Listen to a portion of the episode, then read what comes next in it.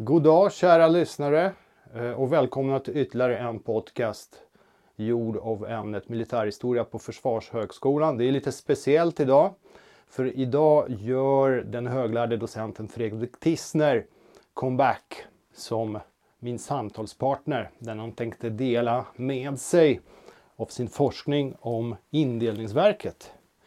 Och det nya med dagens podcast är ju också, nu när vi gör comeback efter ett par månaders paus, är att vi är mer lyssnarfokuserade.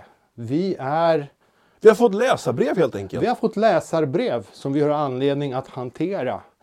Samhället kräver kunskap och det är en lucka som vi är beredda att fylla. Det här har jag faktiskt en fråga från Filip som skriver till oss från Fällingsbro. Jaha. Kommer du ihåg vårt besök i Fällingsbro? Jag kommer ihåg besöket i Fällingsbro. Och eh, vad är det Filip vill veta då? Filip har ju då förstått att det finns ett boställe utanför Fällingsbro Mm. någonstans. Men hans främsta intresse ligger inom ramen för äldre indelningsverket och personalförsörjningen under 1600-talet. Det vill Ja. säga det som leder liksom till skapandet av det mer, låt oss säga, moderna indelningsverket som de flesta känner till det. Just det. Det var ju lite intressant, eh, Filips intresse för just det äldre indelningsverket om jag ska vara helt ärlig. För att Fällingsbro är nämligen känd för, eh, eller ja, en avhandling som handlar om rusthållarna i Fällingsbro rör ju just det yngre indelningsverket som vi kanske får anledning att komma tillbaka till. Men eh, Filips fråga är ju ganska vid egentligen. Om vi säger så här. Ska vi prata om det äldre indelningsverket, det vill säga det som inte riktigt är lika väl beforskat och lika väl känt i, bland, bland allmänheten om man säger så, så är ju det, eh, det är ju en slags föregångare till det som sen kommer att hända på 1680-talet. Det vill säga reduktionen och sen det yngre indelningsverket, det är därför man skiljer på de här båda. Men ska man titta på skillnaderna för, för det första mellan de här systemen det äldre indelningsverket och det yngre indelningsverket så kan man ju säga det att det äldre indelningsverket det var egentligen ett mindre system. Det, var, det hade mindre resurser liksom kopplat till sig. Det var lite annorlunda strukturerat också än, än det yngre indelningsverket i, i vissa, vissa avseenden. Eh, det fanns så att säga boställen eller löneutrymmen kan vi väl säga eh, för befälspersoner. Och där fanns också ett, ett, ett slags system för eh, Eh, för kavalleriet. Alltså någon typ av föregångare till rusthåll fanns det också. Sådana saker fanns det i det här systemet. Men det var ett mindre system än det systemet som sen skulle komma så småningom. Och en annan eh, sak som man kan lyfta fram är, är hur infanteriets försörjning av personal gick till, eh, personal gick till alltså soldater gick till Eh, under äldre tid. Och det äldre indelningsverket är alltså ett system som etableras under ja, sent 1500-tal, tidigt 1600-tal vet i alla fall att vi har det upp och snurrar, så kan man ju säga. Det har möjligen, möjlig, möjligen är det lite, har den något äldre förhistoria i under 1500-talet. Men jag brukar säga det att då, då finns det i alla fall så vitt jag vet. Till saken hör att det här systemet är också mindre väl eh, undersökt faktiskt. Så att, eh, vill man göra en forskarinsats så kan man kan man med, med, med fördel göra en, en insats på det äldre indelningsverkets område. Men det som, det, när det gäller soldater då under eh, sent 1500-tal, tidigt 1600-tal så är det förknippat med utskrivningar. Det är så Sverige, eh, Sverige, och, ja, Sverige och Finland, det är ju samma, samma rike vid den här tidpunkten, försörjer stora delar av armén med, med nya soldater. Det är alltså en tvångsuttagen personal då så att säga. De är, inte yrk, de, de, de är så att säga inte anställda på ett sådant sätt utan de, de, de, det är utskrivning kan man säga. Eh, I- Och det är alla män med åldern mellan 15 till 60 år som är utskrivningsbara och sen så är det då eh, en enhet som, som, som, som skiljer sig återigen då från det eh, yngre indelningsverket som kallas för rote. Som man skriver, jag tror att det är 10 kan det vara 10 hushåll eller någonting sånt där som man tar ut då en man per, per sån här rote då när utri, eh, utskrivningskommissarien kommer. Eh, Det som sen händer då fram till 1680-talet, Karl XIs berömda eh, reduktion och alla de här sakerna som kommer sen att följa. Det är ju det att Sverige försörjer ju inte sin krigsmakt bara med utskrivna soldater utan det här går lite i vågor. Under tidigt 1600-tal så är, är, utskrivningarna ganska så kännbara i Sverige och i, i, i Finland. Och då är det liksom... Men när Sverige sen kommer in eh, på kontinenten under 30 i samband med 30-åriga kriget inte minst, då blir det lite av ett annat system. Det är nämligen så att Sverige får subsidiepengar av bland annat Frankrike. Eh, kronan rekryterar stora delar av sina, alltså majoriteten egentligen av sina soldater och förband på kontinenten. Så att Sverige opererar med den svenska, det svenska riket, den svenska kronan opererar med två stycken arméer i, i, i, i Tyskland, under, eller det som blir Tyskland, tyska områdena under, under 30-åriga kriget. Varav den ena armén är ju egentligen helt 100% bestående består den utav, ja, inte svenska undersåtar så att säga. Och kommenderas också av helt utländska officerare. Och den delen som man kallar för den svenska armén den består också av väldigt mycket eh, utländsk, liksom, utländsk personal. Men det är, den, det är den armén i alla fall, där, där hittar vi också svenskar och finnar om vi säger så. Så att det här går i vågor och när, när, när, när Sverige då börjar delta i det här internationella storkriget som ju 30-åriga kriget ändå är, då, då minskar de här eh, bördorna på hemmaplan en del. För då, då, då, kan man så att säga finansiera det här på andra sätt. Den här typen av personalförsörjning. Sen finns det naturligtvis parallellt, alla är inte utskrivna och alla är inte värvade på kontinenten. Det, det finns naturligtvis några värvade förband i Sverige också. Så, så är det ju. Men så det, det, är inte så att vi kör hela, hela krigsmaktens personalförsörjning med det äldre indelningsverket fram till att det yngre indelningsverket tar vid. Utan det är en blandning av massa olika system under, under 1600-talets lopp. Eh, jag hoppas att, att det var någon typ av svar på frågan. Men om Filip var mer vet, Erik, han vill på djupet veta mm. definitionen mm. av indelningsverk som sådant. Vad, ja. vad, skulle du då säga? Säg att jag ska göra en vignett för det här programmet. Ja. Och så är det det första som rullar i öronen på folk så att de verkligen blir attraherade och vill lyssna på hela avsnittet. Vad skulle du säga då? Då skulle jag säga att ordet indelningsverk, det kommer ifrån att man, eh, det handlar egentligen om att man indelar skatteintäkter för särskilda utgiftsposter. Det är det, man är, det är det som det egentligen handlar om rent, rent liksom kameralt. Så att säga. Det, det, det är det det här systemet är. Det är ett skattesystem, det är ett avlöningssystem och det är ett, ett, ett så att säga, rekryteringssystem, allt i ett. Skulle man, det är en universallösning. Det låter som rätt långt från effekt i, i målet. Ja, det, det, är, det är ganska mycket prodd. Det är, mm. det är mer prodd än insats om vi säger så. Då ska vi se här. Vi har... Eh, hittar du någonting bland dina frågor? Där? Ja, vi ska se här nu då. Birgitta ifrån Sjötorp vill veta lite mer om reduktionen på 1680-talet. Lite grann om konsekvenserna kring det här och ja, det som egentligen är grundplåten till det yngre indelningsverket. Men hon vill veta lite mer om reduktionen, vilka effekter fick det egentligen? För det här har ja, det, det, det, nämndes lite kort tyckte hon i, i den här serien Historien om Sverige. Så att jag tänker vi kan, vi kan kanske ja, bena lite i den jag tänkte att många av de mer livsnjutarorienterade av våra lyssnare tänker att man reducerar sås och så, den här typen av verksamhet. Mm. Men vad, vad, var det här typ, för typ av reduktion? Jo, eh, det är, för det första kan vi konstatera det att eh, Karl XIs så att säga, stora reduktion eh, är ju inte den första reduktionen i svensk historia. Det har gjorts flera reduktioner tidigare. Eh, däremot är det väl förmodligen den mest eh, internationellt i samtiden kända kan man säga. För den, här, är, den, den här är omskriven även, alltså det framstår som en ganska så radikalt drag även, även i, i, i, i så att säga, det samtida utlandet om man säger så. Eh, och det här är för all del en stor reform, det är inga konstigheter så. Eh, det är helt, helt korrekt. Bakgrunden till den här reformen i alla fall, om vi börjar i den änden och så tittar vi lite grann på, på vilka konsekvenser det får inrikespolitiskt och kanske även också utrikespolitiskt. Bakgrunden till den här eh, reformen det är ju helt enkelt att den svenska statens utgifter är, alltså det är ett slags statsbankrutt. De, det, det, pengarna räcker inte till. Skånska kriget har varit precis. Precis.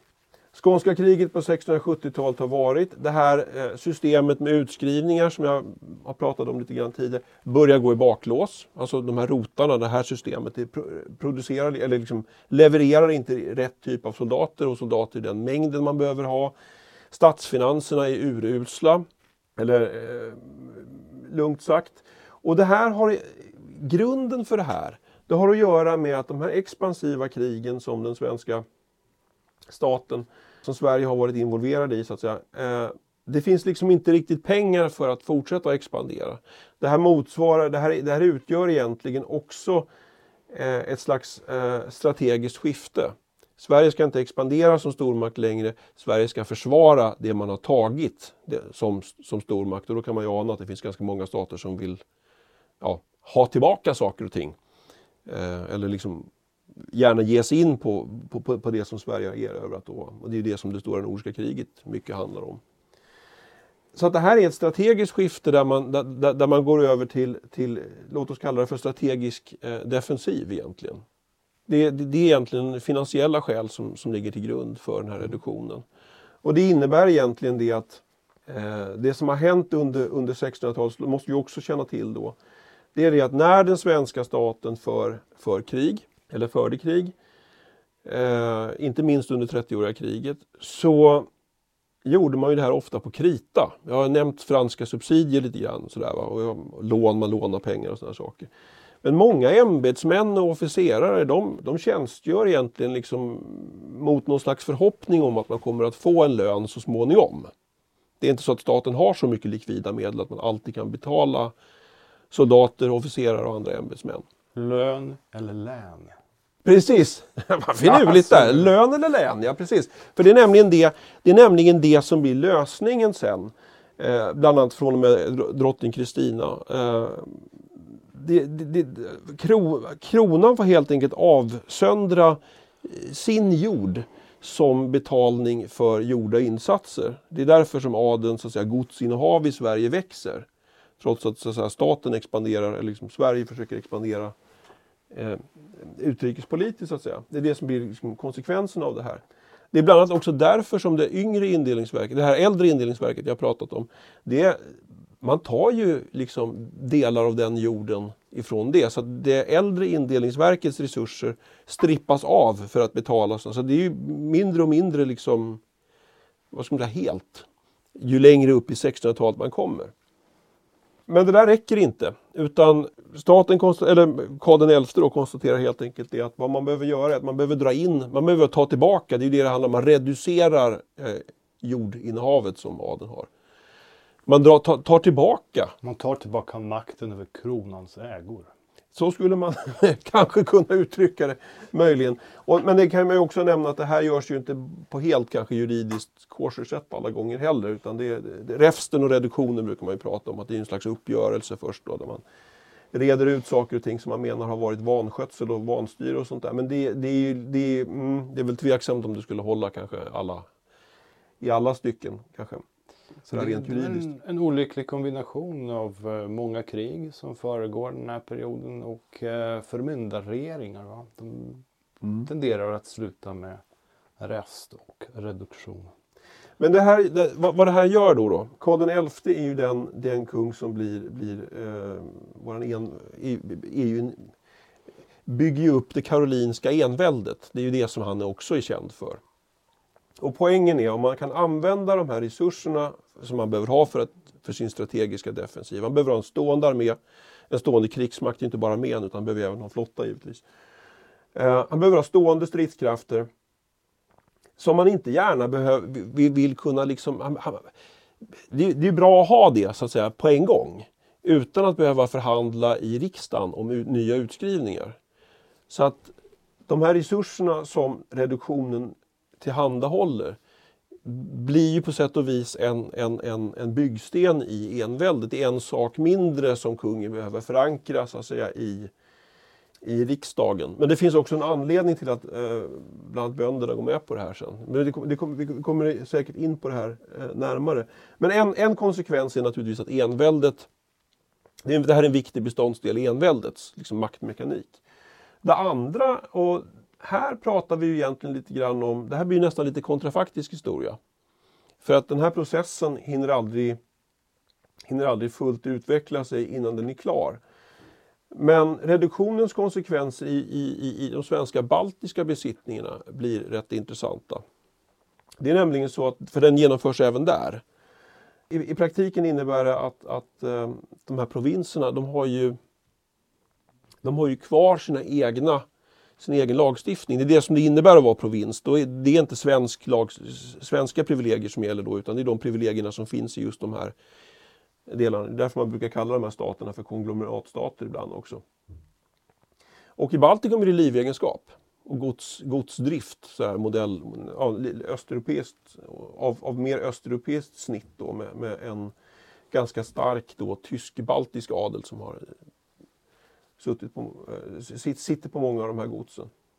Men vad det här innebär när, man, när kronan drar in det här och de här gods, eh, adelsmännen helt enkelt får arrendera tillbaka godsen ifrån kronan. Det är så man löser det, så man får in pengarna ifrån de här. Då ändras också relationerna till bönderna. Så att där börjar då ske en slags, slags omförhandling av det här kontraktet mellan, mellan, mellan så att säga, godsägare och livegna bönder. Så att en process inleds där bönderna börjar, bli mer, börjar få en mer och mer liksom fri eh, liksom ställning. Vi börjar, få ett, vi börjar få embryot åtminstone till ett självständigt, alltså ett bondestånd. Som i Sverige och Finland. Men den där avbryts ju naturligtvis för att Ryssland Ryssland tar ju liksom de facto tillbaka Baltikum här tidigt på 1700-talet, 1704 eller 1709. Va? Eh, och det jure 1721 och då återinförs det här, gods, Eh, det här klassiska godssystemet. Men hade, anta, anta, anta nu att Karl XII hade Anta nu att, vi hade, att, att Sverige hade lyckats behålla greppet över de här provinserna. Så ger jag mig 17 på att en av de viktiga frågorna på, på, på eh, frihetstidens riksdagar, eller vad den tiden då hade hetat i den här alternativa verkligheten. Det hade varit liksom eh, Eh, frågan om baltiska bönders liksom privilegier, frågan om baltiska bönders eh, representation vid riksdagen, eventuellt frågan om, om, om tillgång på, så, så, som det blir för, för finska. Det, det, finska bönder får ju liksom, det finns tolkhjälp och sånt där.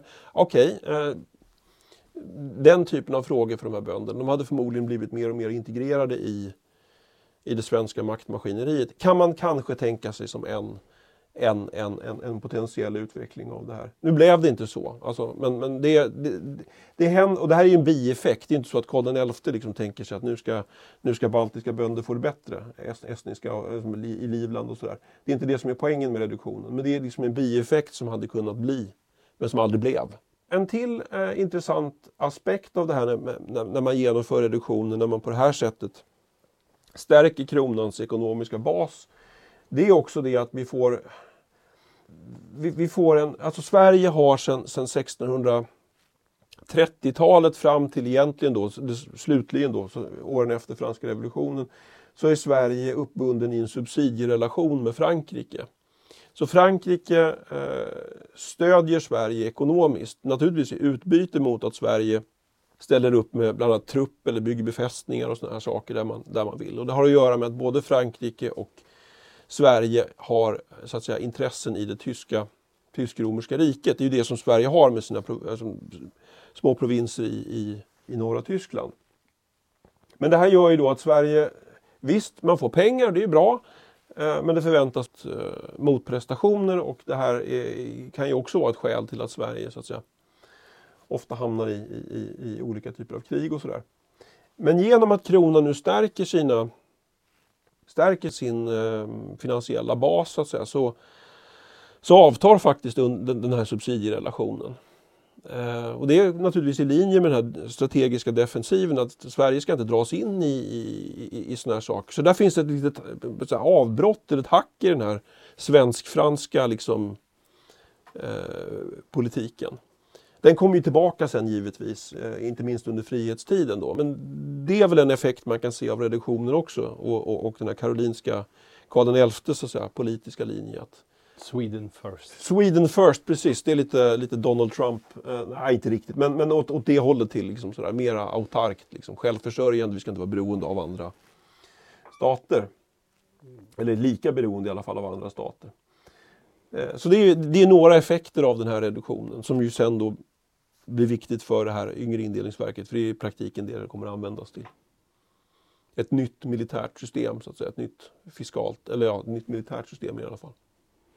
Sen är i praktiken också förändrade politiska relationer i riket. Där ju Karl XI koopterar bondeståndet eh, i och med detta eftersom de då ju hellre vill vara avhängiga kronan än eh, en galax av privata ägare. Där, där alla sätter sina egna regler och så vidare. Det var helt enkelt enklare under kronan. Va? Livet var enklare Ja, ja, och lättare. Ja, men precis. Så Och det, det finns och det där ser vi också under, under, under 1600-talets lopp med de här godsavsöndringarna när staten så att säga betalar, betalar sina räkningar med jord. Eh, att adeln stärker sitt grepp. Alltså, och det, det är klart att det här, det här alltså inrikespolitiskt så är det naturligtvis så att det är ganska lätt för en, för en kung som Karl XI att, att, så att säga, spela, spela med de ofrälse stånden. Bland annat. Man brukar också säga det att lågadeln brukar tycka att, att reduktionen är en bra idé. Alltså de här som inte är riktigt riktigt lika, lika, lika välbeställda som, som, som just högadeln är då. Eh, därför att ja, viss, viss forskning brukar hävda att, att det växer fram en tjänstemanadel som faktiskt är mer beroende av de här statliga eh. Man kan, man kan diskutera det, kan jag ju tycka då, för att man måste då förstå att de flesta adelsmän också är jordbesuttna. Men säg de då som är lite fattigare, parallellt med att de också är tjänstemän, för de betyder ju lönen ändå relativt sett mer. Den gruppen av eh, så att säga, lågadel eh, har också saker att vinna på reduktionen för det innebär ju naturligtvis då säkrare löneutbetalningar för dem. Den här tjänstemannaadeln. Så det finns flera grupper i det här men, men, men naturligtvis så är ju är bondeståndet en av de här grupperna och lågadeln skulle ju kunna vara en annan då som skulle kunna ha vissa, vissa saker att tjäna på en sån här, på en sån här reform.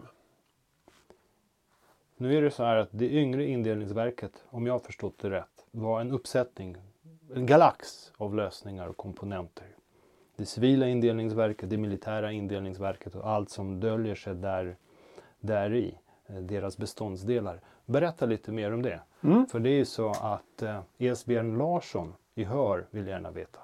Jaha, okej. Ja, men det, det, det är en fullt berättigad fråga att vi börjar, bör- börjar nysta lite grann i det här nu då. Ja, eh, som sagt. Eh, det äldre indelningsverket har vi pratat om. Det finns ett äldre och det finns ett yngre. Okay? Och det finns ett civilt indelningsverk och det finns ett militärt indelningsverk.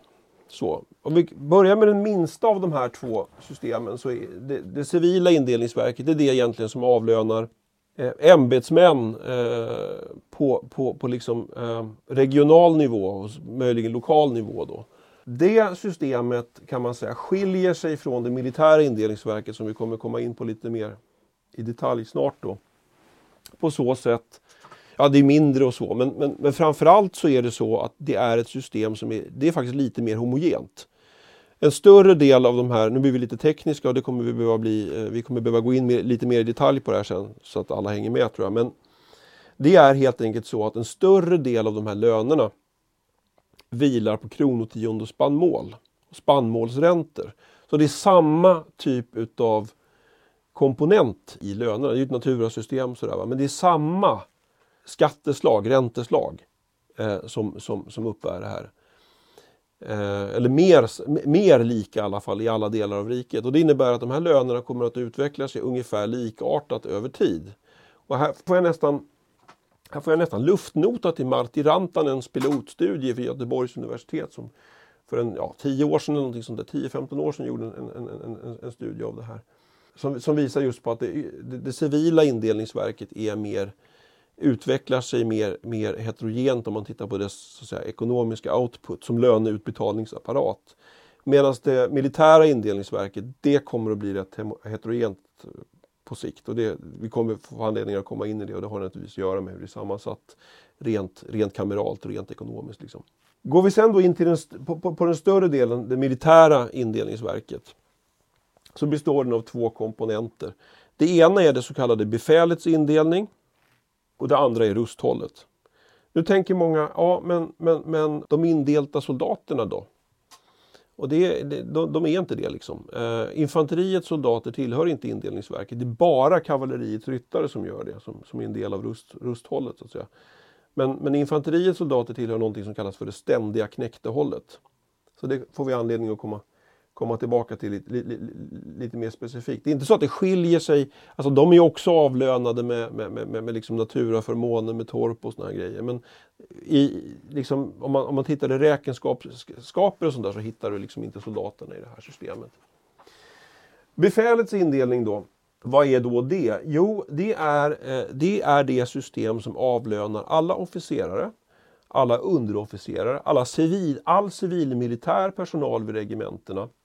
Tänk bataljonspredikanter, skrivare, musiker, allting sånt där som, som, som, som, som så att säga tillkommer utöver just då eh, officerare och, och underofficerare. Tittar man på systemet eh, sådär generellt så 1697 så innehåller det här, nu ska vi se så att jag har det rätt, jag tror det är 790 löneutrymmen för officerare just, fänrikar och uppåt. Och närmare 1300 eh, underofficersindelningar. Som jag sa, det fanns ju en massa andra saker här och det, det, det, det är ett överslag som jag har gjort. Då, men omkring 3800 löneutrymmen, löner, liksom betalas via det yngre indelningsverket för just officerare, alltså, alltså officerare, underofficerare och andra typer av vad vi kanske skulle kalla för specialistpersonal idag. Då. Så 3800, det, det är ganska mycket om man tittar på hur staten, alltså statens så att säga, storlek eh, ändå var. Liksom. Det, det, det, är en ganska stor andel utav, det är ganska många löneutrymmen helt enkelt, så statliga. Eh, men till det här så finns då, eh, så det, det, det, är för, det är för befälspersonal och sånt här. Vi får alla anledning att titta närmare på att, att hur, hur det här funkar lite mer i detalj. Rusthållet däremot, det är det systemet man, man, man, man nu skapar för att försörja armén med kavalleris, kav, kavallerister. Eh, för det är nämligen så att sätta upp en, en, en, en ryttare, det är mycket dyrare. Tre, ungefär tre, fyra gånger dyrare än, än vad det är att sätta upp en, en, en soldat, en vanlig infanterist. Så att säga. Och då måste man ha en särskild lösning. Eh, ja, ett rusthåll är helt enkelt, eh, kärnan i ett rusthåll, det är det är då själva Rusthållsgården så att säga. Det är ett, ett, ett, helst ska det vara ett bättre lantbruk, ett bättre jordbruk, ett bättre hemman med ganska god bärighet. Eh, för att ha råd att betala de här skatterna skulle annars ha gått centralt till, sko, till, till, till kronan men de är då alltså indelta för att bekosta en ryttare, eh, häst, förmodligen någon slags reservhäst, utrustning till det här och ryttartorp då så att ryttaren har något ställe att bo på. Och räcker inte det här, den här bärigheten, vilket den ofta inte gör då, eh, räcker inte den här eh, avkastningen som man har bedömt att den här gården producerar, så tillsätter man, så, så, så allokerar man andra hemmans skatter till rusthållet så att man kommer upp i den här eh, volymen utav, alltså, rust, alltså så att man kan betala den här rusträntan som det heter. Och det här kallas för augmentshemman, alltså hjälpehemman som betalar skatt till, till, direkt till rusthållet. Så här får vi en ganska spännande liksom, lösning där, där bönder betalar skatt till varandra för att klara av kronans krav på, på rustningar. Så, så att ett, ett rusthåll är, är liksom eh, det är regligt, centrum är en bättre gård och sen så finns det då anslagna hjälpehemman som ser till då att man kan klara av att betala det här som en ryttare kostar. Skiljer det då regionalt? För jag tänker mig sig Kronobergs län kommer skilja sig från, eller Kronoberg kommer skilja, skilja sig från Skåne mm. i fråga om säg förutsättningar för jordbruk. Om vi nu pratar huvudsakligen om agrara inkomster. Det finns förvisso skog. Absolut, och det, och det, det, det, det är det här som, och det, det, vi, vi, jag, jag tror vi får anledning att gå in, gå in på det lite mer när det gäller just eh, befälets indelning. Men det gäller naturligtvis även rusthåll. Absolut, det skiljer ju. Jordbruken ser olika ut. Eh, och det kan, kan, naturligtvis innebära att, att, i vissa delar av landet så har man mycket, mycket färre eh, såna här bäriga gårdar. Det innebär att då får man ha ännu mer såna här argumentshemman som man kopplar till det här systemet. Det, det sättet som, som, som, som, som skatterna utgår i, alltså det som man brukar kalla för räntepersedlar med något lite äldre ord, alltså skatte, skattesaker, skatteprylar. Det är, för, för det, är, det är ju naturaprodukter mycket det här utgår i. Utom i Skåne, för där har danskarna nämligen bestämt att, penning, att räntorna betalas i, i penningar, vilket låter bra men inte är det. Men det kommer vi tillbaka till också sannolikt. Det var ju också en fråga jag hade. Var tar likviderna vägen i det här systemet? Var finns likviderna i det svenska riket? Varför får man inte fram likvider? Det, det får man delvis, men, men, men, men inte på samma sätt i samma utsträckning som, som många andra så att säga, stater får i, i Europa. Och det har ju naturligtvis att göra med att Sverige och Finland är, är, det är glesbefolkade områden. Eh, det bor inte så mycket folk här. Så att en stor del, alltså huvuddelen av det svenska skattesystemet det, jord, det, det vilar på jorden. Det är, det är det här grundskattesystemet som, som Karl XI tweakar lite grann men som faktiskt har, har liksom setts någonstans. Gustav Vasa lägger liksom kanske på riktigt grunden för det men sen justeras det lite grann under resans gång. Och det är egentligen det systemet som Karl XI ärver. Men tittar man på det som, som, som, som kronan i övrigt har att disponera då kan vi tänka oss tullinkomster. Vi kan tänka oss vissa typer utav, av, av vissa hemmans då eller gårdars avkastning kan kronan, eh, står i jordeböckerna, är kronan behållen. Det vill säga den, den, den går direkt till, till, till staten. Men den, den skatten vilar ju för alltid också på jorden. Sen naturligtvis i, i händelse av extraordinära saker, det vill säga att man ska föra krig verkligen. För att, att ha en armé är en sak, att använda den det kostar ju helt andra summor. Ja, då får man ju ta upp lån. Och då kan man använda till exempel som under 1600-talet kopparproduktionen som pant för lån som man tar i vanligen Amsterdam och sådana här saker. Det här är egentligen det som man brukar kalla för ehm, eh, bruksvärdesproblematik. Brukar man kalla det för. Det vill säga det svenska samhället eh, producerar för all del resurser. Det, det gör den ju, alltså giv, givet befolkningens storlek. Så. Eh, men de är i fel form. Så att eh, det kommer inte i pengar utan det kommer liksom i smör, ost och sill. Att säga. Det, det är där som problemet ligger. Och det, det Kronan gör med indelningsverket det är helt enkelt att man outsourcar det problemet till, till löntagare och andra att liksom lösa det. Så slipper Kronan göra det här centralt. Jag vet inte om det var svar på frågan. Det var mycket upplysande svar. Går vi sen in på befälets alltså Rusthållet har vi pratat om. Vi har pratat lite grann om befälets indelning. Vi kommer få anledning att titta lite närmare och djupdyka det tror jag. Eh, om jag har förstått det här rätt. Men tittar vi på en spännande sak som händer med soldatförsörjningen, just, just infanteriets soldater i det yngre indelningsverket. Om vi jämför det med det äldre indelningsverket. Så det äldre indelningsverket vilar ju på utskrivning. Det är någon slags värn, alltså, ja, värnplikt är ju inte ideologiskt men det är, man tar ut folk med tvång. Det, det är det som är grundkonceptet här.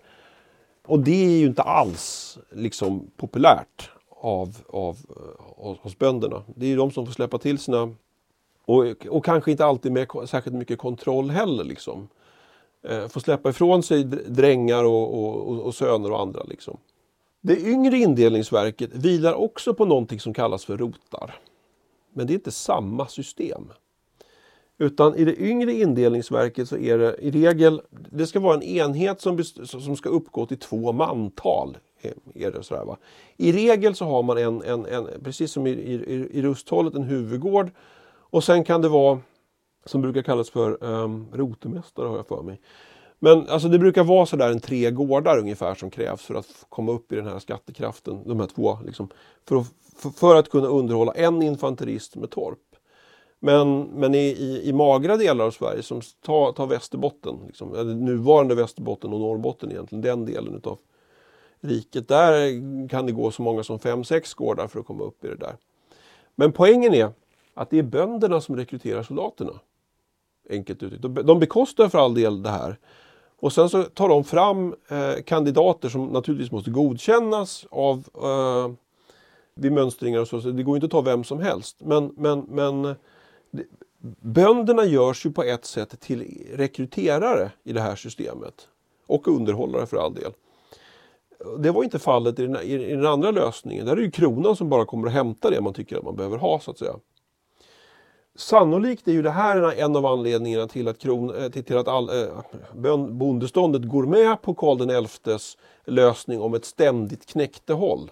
Därför att den här tidigare lösningen var, var, skapade olägenheter. Men inte för det.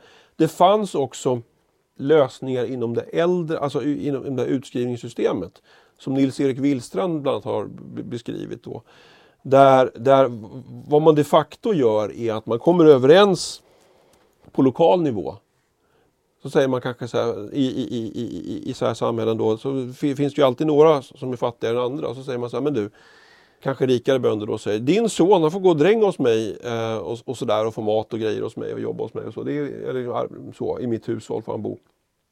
Men när utskrivningskommissarien kommer så är det han som får gå. Och ibland kanske man till och med betalar den här fattigare bonden för att få det här att fungera.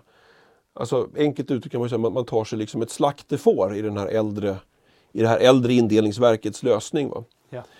Eh, så att man skapar så att säga, egna informella lösningar för att moderera den här typen av osäkerheter som utskrivningssystemet medför. Man, på ett sätt kan man ju säga att det yngre indelningsverket, alltså knäckta hållet inom ramen för det yngre indelningsverket där soldaten egentligen har blivit en slags deltidstjänstgörande liksom, yrkessoldat. Det är ju egentligen det man kan likna det här vid. Ehm, det bygger ju egentligen på den här, de här lokala liksom, informella lösningar man har haft. Fast nu har man formaliserat det här på olika sätt. Så sannolikt så, så, så, så har den här lösningen också ganska stort stöd underifrån. Alltså ifrån, ifrån bondeståndet. Så det är flera olika saker som kom, kommer ihop här. Alltså olika typer av ståndsintressen, olika typer av ekonomiska problem man har. Olika liksom, som, som, som formar det här systemet. Och om vi ska sätta lite, lite, lite tal på saker och ting, det är ju alltid bra. Jag sa att totalt sett fanns det 3800 löneindelningar.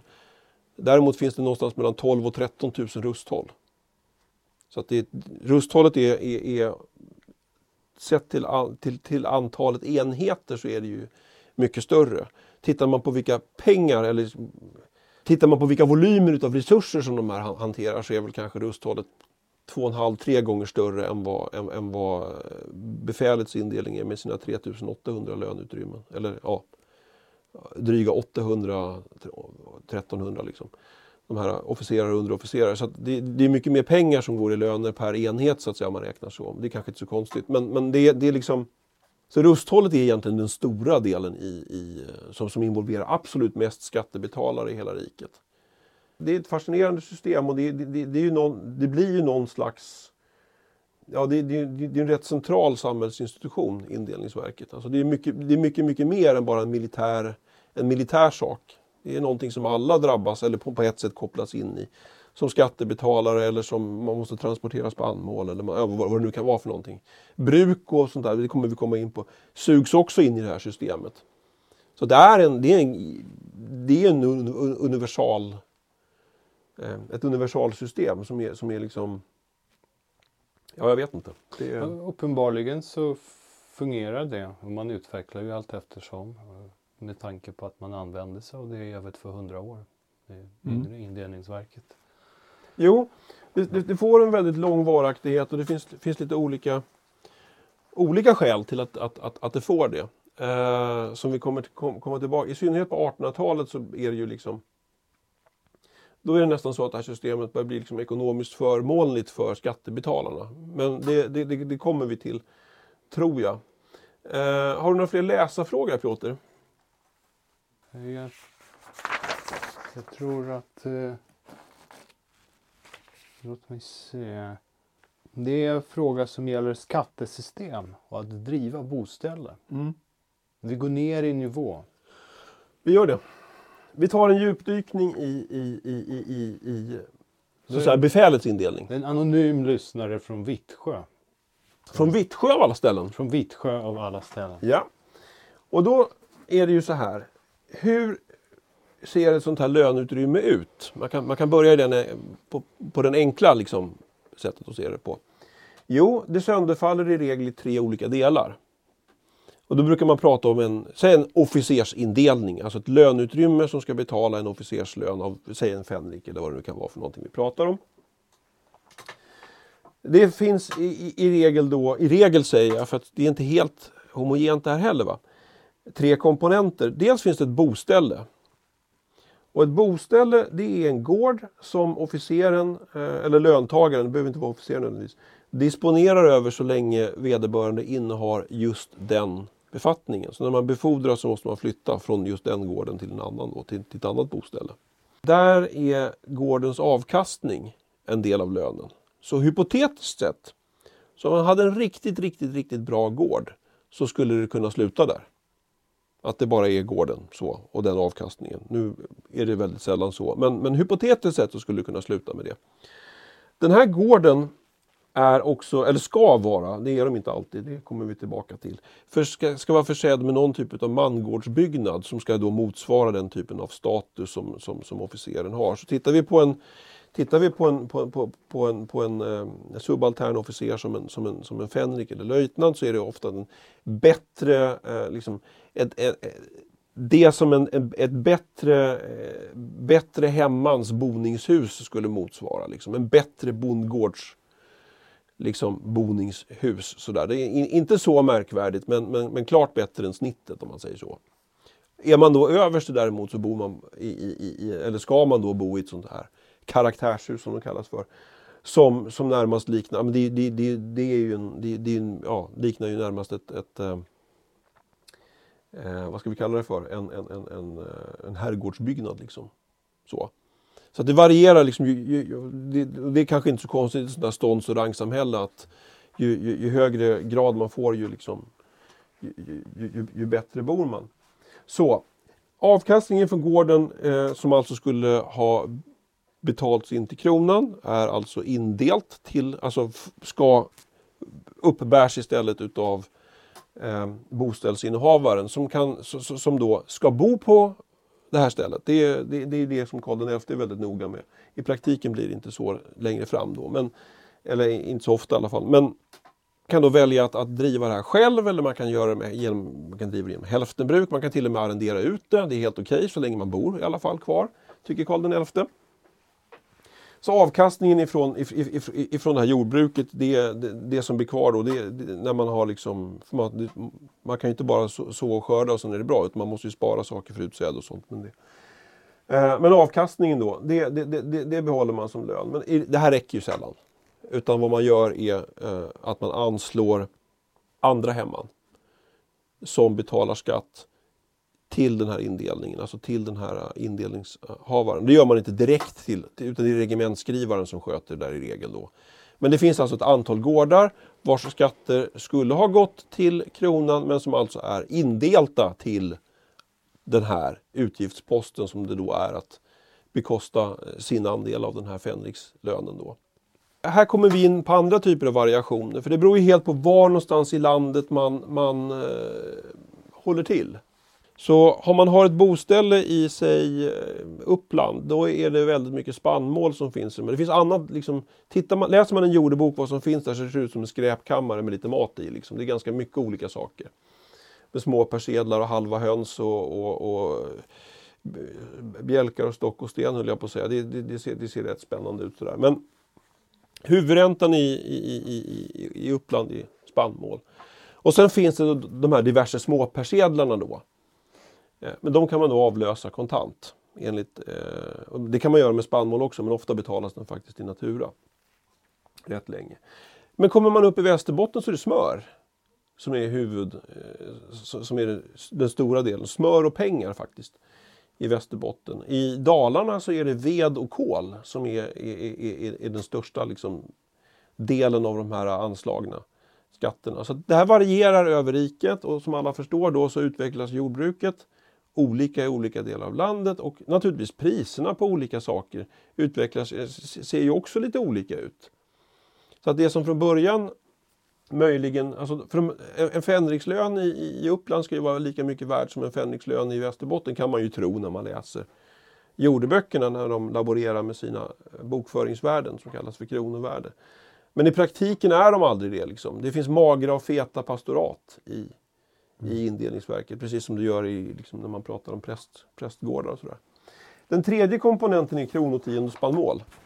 Som, som ofta då finns eh, enligt en särskild stat. Men, men alla, alla eh, regementen har inte kronotiondespannmål anförd, eh, tillförd. Sådär, va? Så det, det, det, varierar också, men det, ofta så är kronotiondespannmål då en, en, en, en, en sån komponent det man gör när man sätter upp det yngre indelningsverket, när man organiserar det. Jag, sa, jag nämnde det att man justerar lite i skatterna och en, en grej gäller, gäller faktiskt kronotiondet för att man övergår ifrån fly, alltså, flytande kronotionde till fast kronotionde.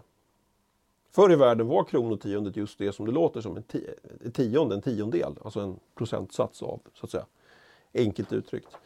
Eh, men det gör det inte längre i det yngre systemet. Och det har helt enkelt att göra med att man vill bygga ett system som är robust. Så att då är det bättre att man säger att Nej, men okej, vi, vi, vi, vi, tar det att vi inte får riktigt så mycket som vi skulle kunna få under riktigt goda år.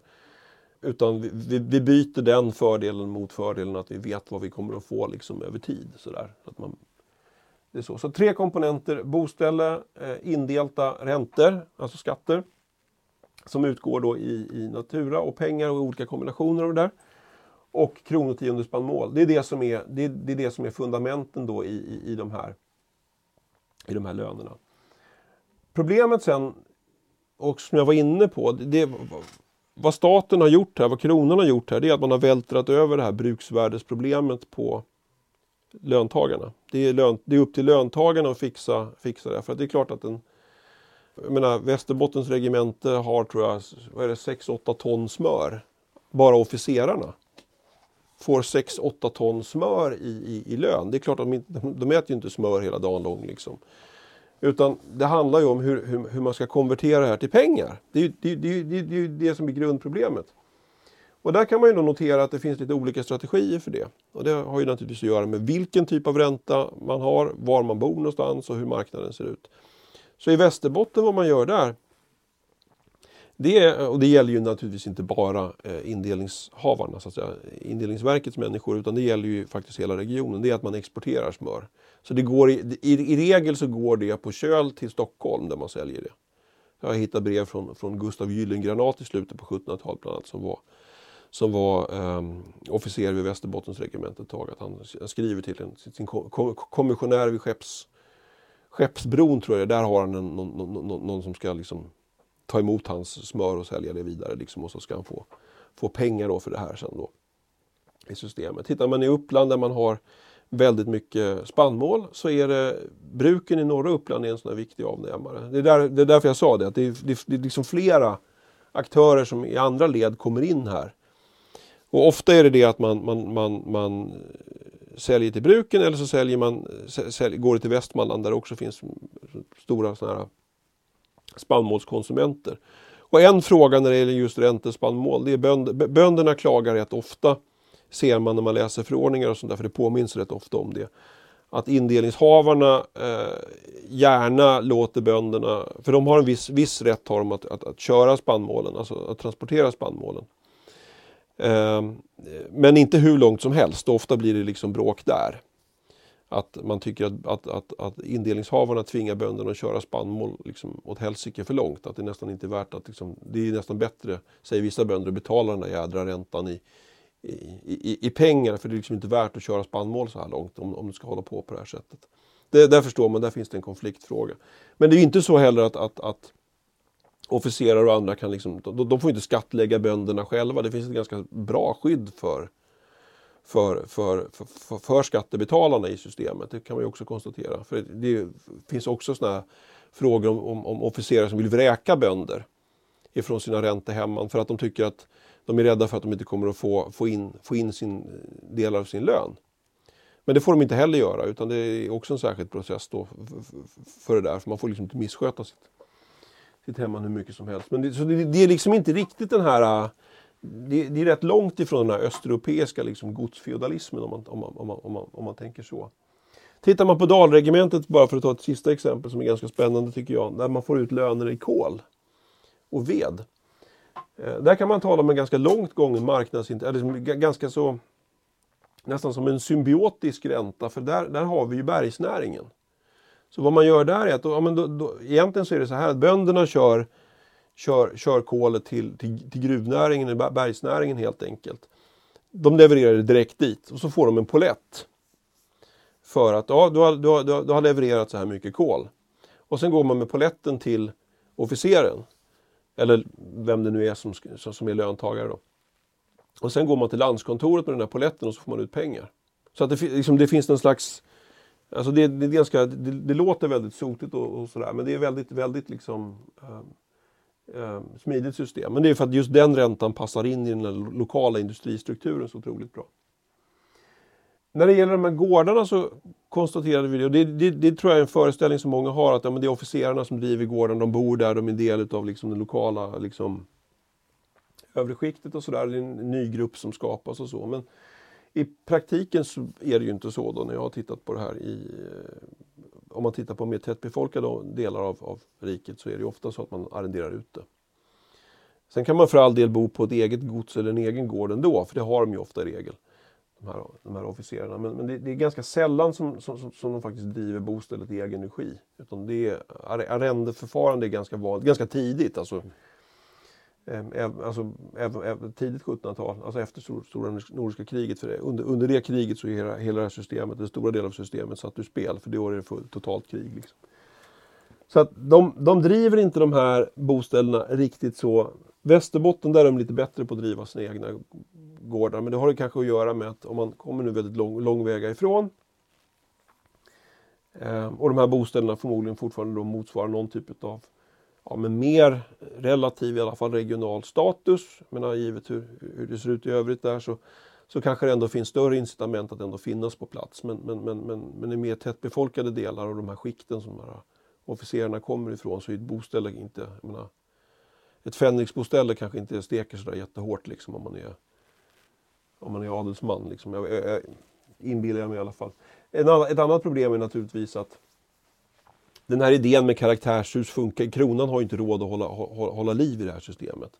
Så vid Upplands regemente har det ju visat sig då att eh, vid varje givet tillfälle så saknas hälften av karaktärshusen. Så saknas de här eh, stat, mera statusbemängda eh, byggnaderna. Det varierar ju över tid exakt vilka det är förstås, men ungefär hälften saknas. Och då är ändå inte, då är inte ändå det, det, det är liksom inte rikets hårdast drabbas, mest hårdast drabbade del i den här frågan, utan det är faktiskt Finland. Och det har naturligtvis att göra med att Finland blir ockuperat under, under stora nordiska kriget och delar av Finland blir ockuperat under hattarnas ryska krig och sådär. Så att det, där, där, där, där fattas det ännu mer sådana här karaktärshus hela tiden. Så att jag tror att vi man får nog avromantisera den här idén om att just indelningsverket skulle stå för någon typ av nytt socialt skikt och sådär på, på landsbygden. Utan, utan verkligheten är nog mera, mer pragmatisk än så, så att säga. Så att det, det, det, det, är, det är en del meck med det natursystemet. Samtidigt så får man ju ändå säga det att ja, men det, man, man, man tar ju de resurser man har ändå och organiserar dem på, på det här sättet för att ändå få en, man får en stående, stående krigsmakt. Då skulle man titta på, eh, jag menar, vad, vad var det jag sa, 12-13 000 rusthåll. 25 000 eh, alltså soldater som tillhör det ständiga knäktehållet. men det är ändå liksom, vi börjar närma oss en sådär 35-38 000 eh, soldater i, och det är, bara, det, det, är bara den indelta armén. Sen så finns ett handfull, en handfull regementen i armén som är kontantavlönade, som Livgardet till exempel.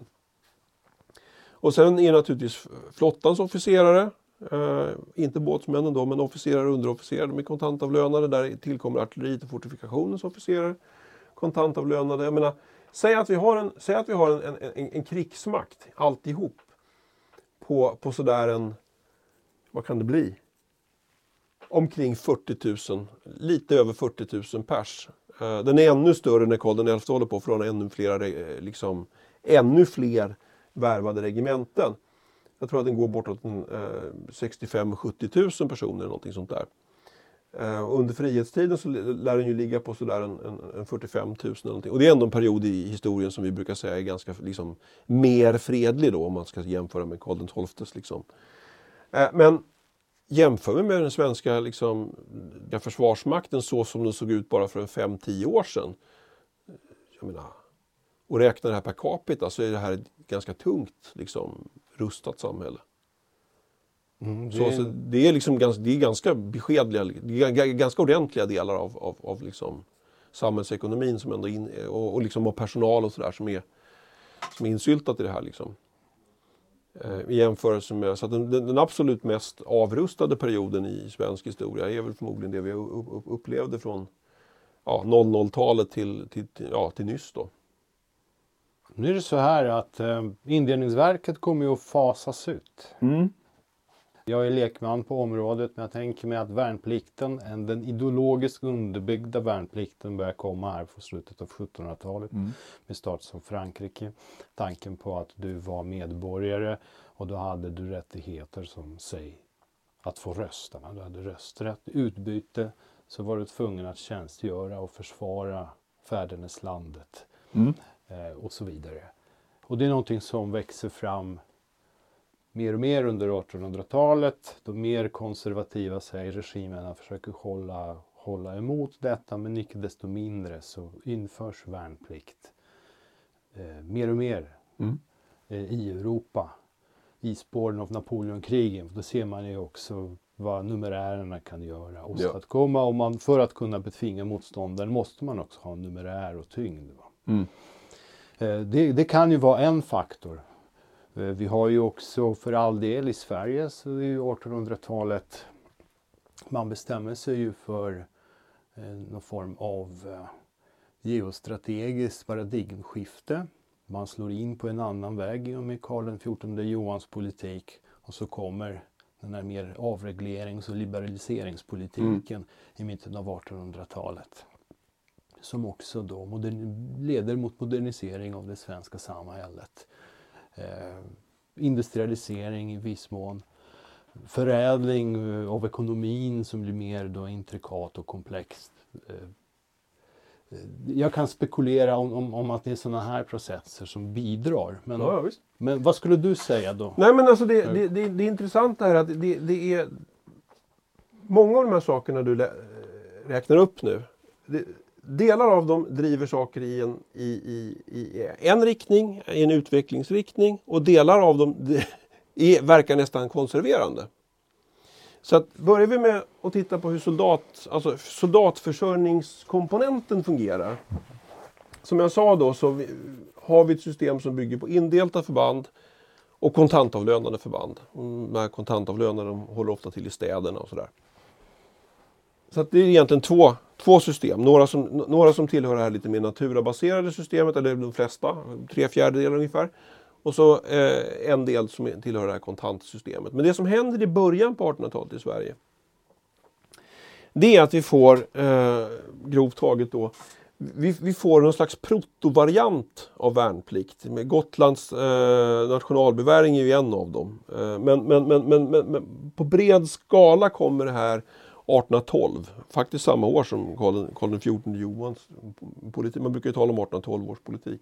Man gör ett försök under kriget, eh, alltså när Ryssland angriper Sverige 1808 med, med eh, lantvärn. Det kan man ju säga det är någon slags första försök. Men 1812 så får man då ett system som kallas för beväringsinrättningen som, stoppas, som omsätts i en regementsreform 1813.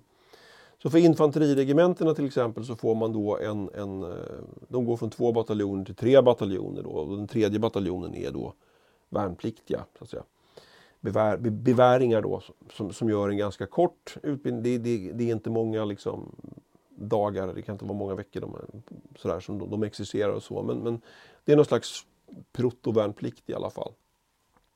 Kavalleriet får också värnpliktiga men där, där funkar det så att, att jag tror att man förstärker det med från fyra till fem skvadroner eller någonting sånt där eh, per, per, per bataljon. Liksom. Så. Lite mindre förstärkning där. Så, det här, så då, då har vi plötsligt ett system med tre olika personalförsörjningslösningar. Alltså en, en, en värvad på kontantbasis, en, in, en liksom naturavlönad del och så en, en sån här värnpliktskomponent då som, som, som, som, vi, som, som vi faktiskt kör parallellt med under, under 1800-talet. Där kan man ju säga det, det är ändå ett nytt inslag i svensk i det här svenska systemet som, som så, ja, man skulle kunna säga, man har åtminstone tittat på fördelarna med liksom, eh, värnplikt. Så att säga. Det är, danskarna gör ju också såna här saker och det är flera stater som håller på med det här. Eh, men det är ju ingen konsekvent genomförd värnplikt. Man bygger ju inte allting på värnplikt utan det är mer som att värnplikten är liksom ett, ett komplement till den befintliga så att säga, stående armén. Så att där, där kan man ju tala om att ja, det, det, det, det sker någonting nytt. Ska man prata om det som är konserverande, om man, om man vänder på, på steken då, var, varför lever det här indelningsverket eh, kvar då under, under 1800-talet när det händer så mycket stora förändringar och sådana här saker? Liksom det, det framstår ju som ändå otroligt segt. Och den sista, den, och det är kanske det som är det viktigaste, den, den sista biten i, i det här systemet, det är ju skattesystemet. Alltså indelningsverket är ju så att säga ett reor, alltså det, är- det är en del av det gamla skattesystemet. Grundskattesystemet som, som vilar på jord egentligen. Och då är det så att det här systemet är vad, vad, vad man brukar säga är regressivt. Det vill säga staten frågar samma år efter, eh, år efter år så frågar man efter samma mängd säg spannmål eller stigar kol eller vad det nu är för någonting man ska betala i, i, i skatt. Eller samma mängd pengar för den delen. som sällan är då, som inte är inflationsskyddade. Så att det där får effekter i Skåne bland annat. Skatten blir helt enkelt mindre men det som också händer då, så man betalar samma mängd skatt så att säga. Staten frågar efter samma mängd. Men produktionen i jordbruket ökar ju under 1800-talet. Det, det, det, är det här som är, alltså när vi kommer, kommer in en bit under 1800-talet, det är ju det som är den agrara revolutionen. Alltså, man producerar ju mer och mer alltså, under 1800-talets lopp. Naturligtvis i varierande grader beroende på var i, i, i Sverige man är, men rent generellt, sådär, generellt betraktat så producerar man mer och mer. Och det gör ju naturligtvis att då tjänar man ju på det här grundskattesystemet. Om jag, om, om, om jag producerar om jag producerar 50 tunnor spannmål och staten frågar efter 10, om jag sen plötsligt producerar, eller plötsligt, om jag sen så småningom producerar 150 tunnor spannmål och staten fortfarande frågar efter 10 så är det ju liksom det är en win-win. Alltså på, på sätt och vis så passar det här systemet in i någon slags liberalismens liksom 1800-tal också kan man ju tänka sig då. Lägre skatter, för det är det det blir. flat rate. Det, blir, ja, men det är det det blir.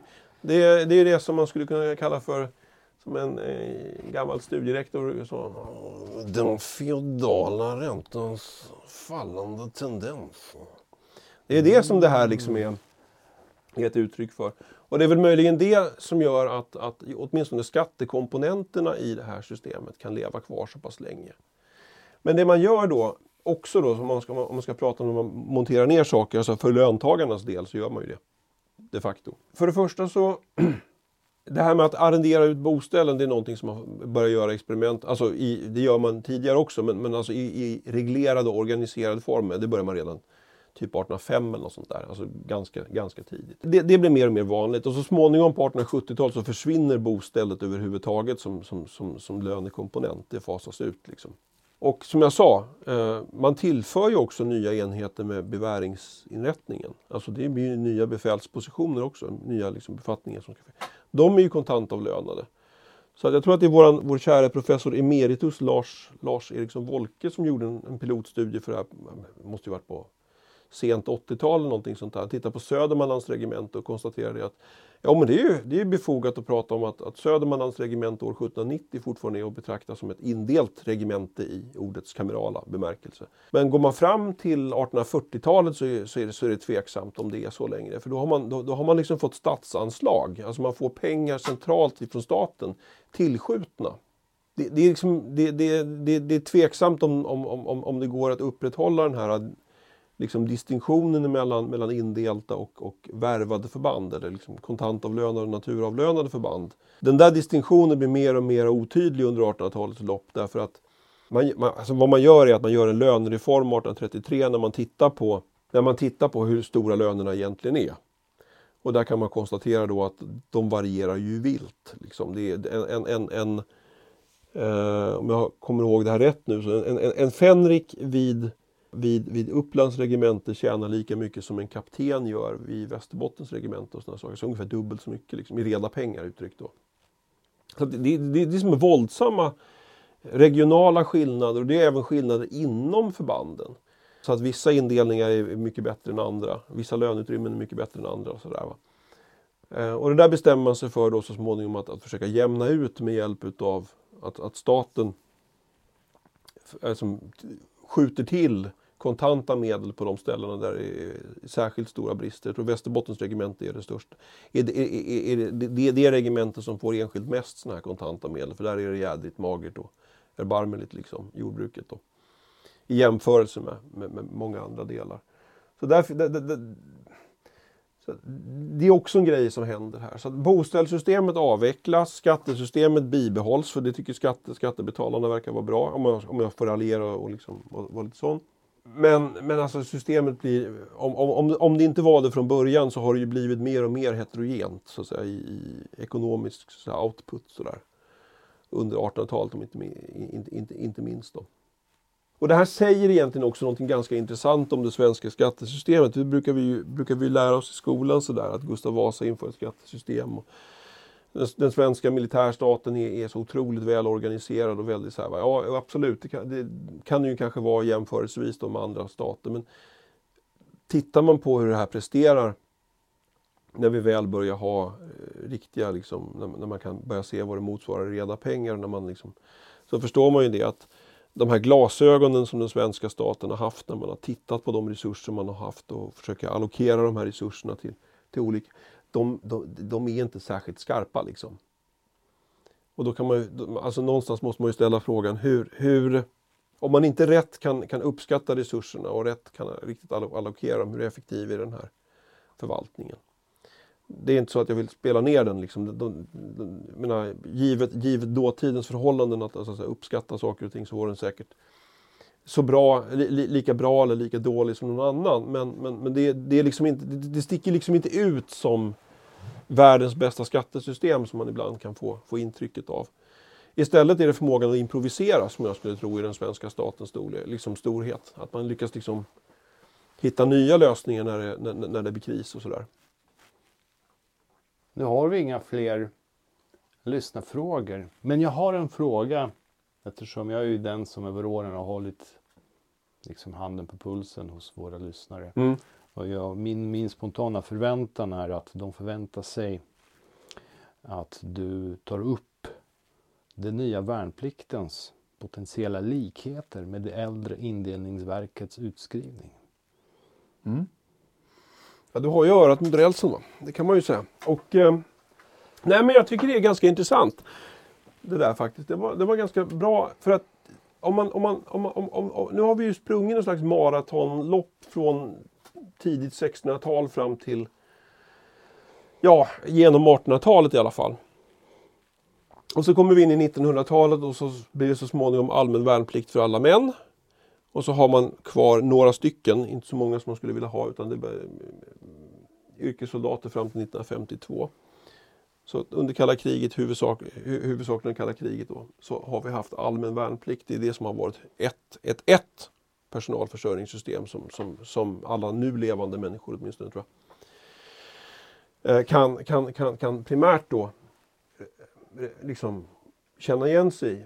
Men det vi ser nu med den nya värnplikten, den här, i, och för sig könsneutral, så den gäller ju båda könen. Men det är ju inte mer än en 10% eller någonting sånt där av en årskull som faktiskt behöver Ja, alla behöver väl mönstra tror jag, men, men, eller ska fylla i ett mönstringsformulär så. Men det, det, det, det är ju inte mer än kanske 10% ska det väl kanske bli eller något sånt där. Eh, som faktiskt kommer att genomföra eh, militär grundutbildning och då förhoppningsvis krigsplaceras. 90% behöver inte göra det. Eh, och jag skulle vilja säga att vi är tillbaka till, det, det här påminner egentligen om, eh, det är väl ingen som skulle hävda det då från off, liksom offentligt håll, men det, det påminner ju faktiskt om 1600-talets utskrivningar igen.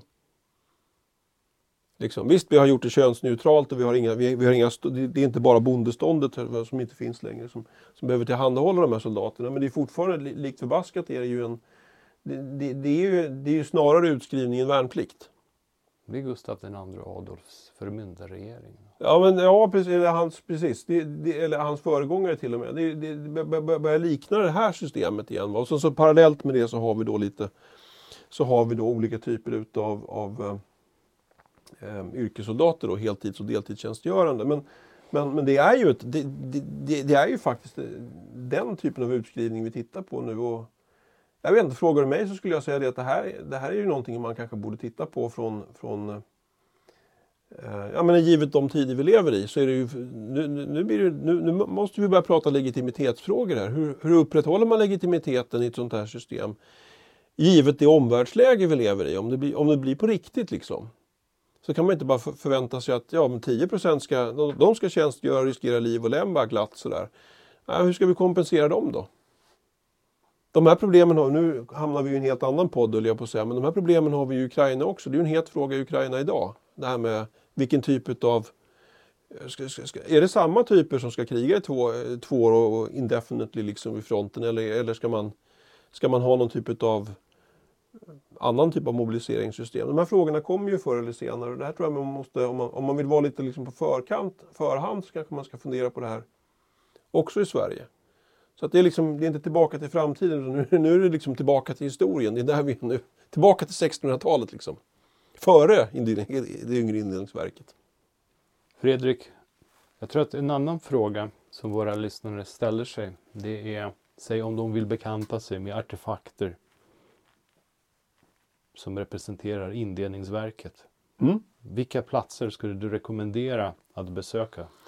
Ja, det är en bra fråga. Alltså, en, en sak som finns kvar som jag tror att alla ändå kan relatera till. Det är olika typer av soldattorp.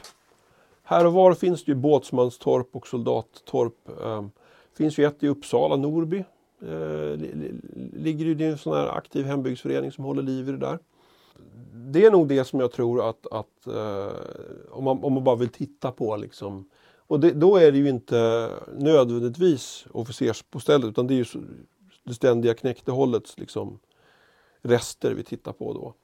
Sen finns det också, eh, Uppsala vet jag ju, Landsberga gård är ju ett sånt där, det är ju överstebostället för, för Upplands eh, regementes eh, ja, chef då, ö, översten för Upplands regemente hade ju något som hette Landsberga. Dagens eh, huvudbyggnad där är ju från, från 1810-talet i och för sig då, det är inte originalbyggnaden, eller den ursprungliga byggnaden ruttnade nämligen. Liksom.